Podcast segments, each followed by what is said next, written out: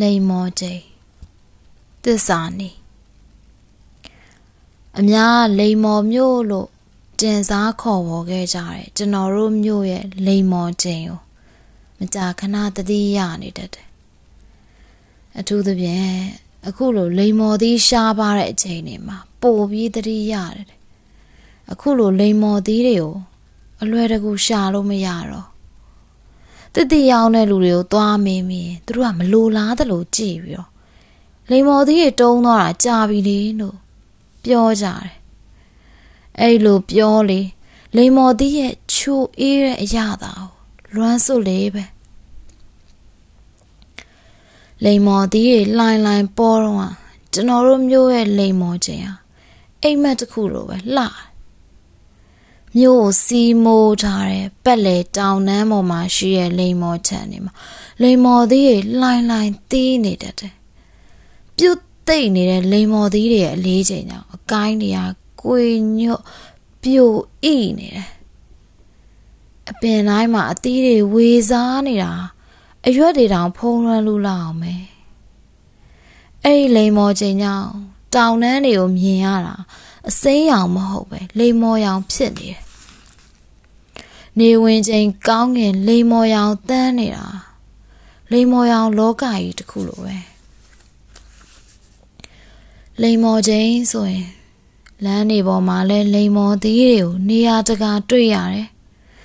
ဘန်းနဲ့ရောင်းတဲ့လူတောင်းနဲ့ရောင်းတဲ့လူမြေကြီးပေါ်ပုံရောင်းသူမှန်မုံနဲ့ထဲ့ရောင်းသူ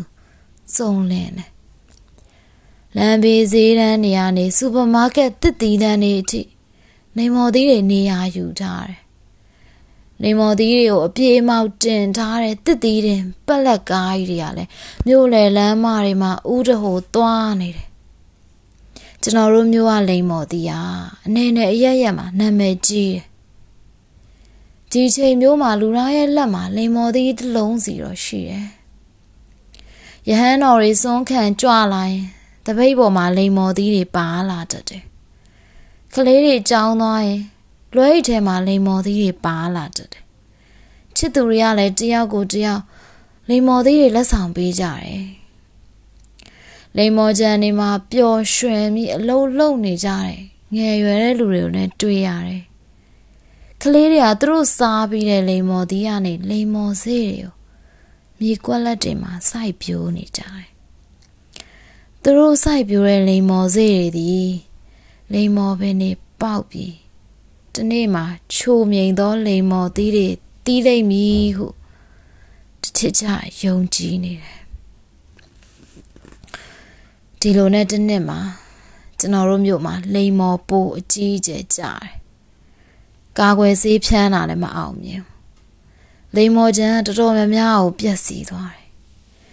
မြေပြင်ကိုတဖြုတ်ဖြုတ်ကျွေတဲ့အတီးအကျွေးတယ်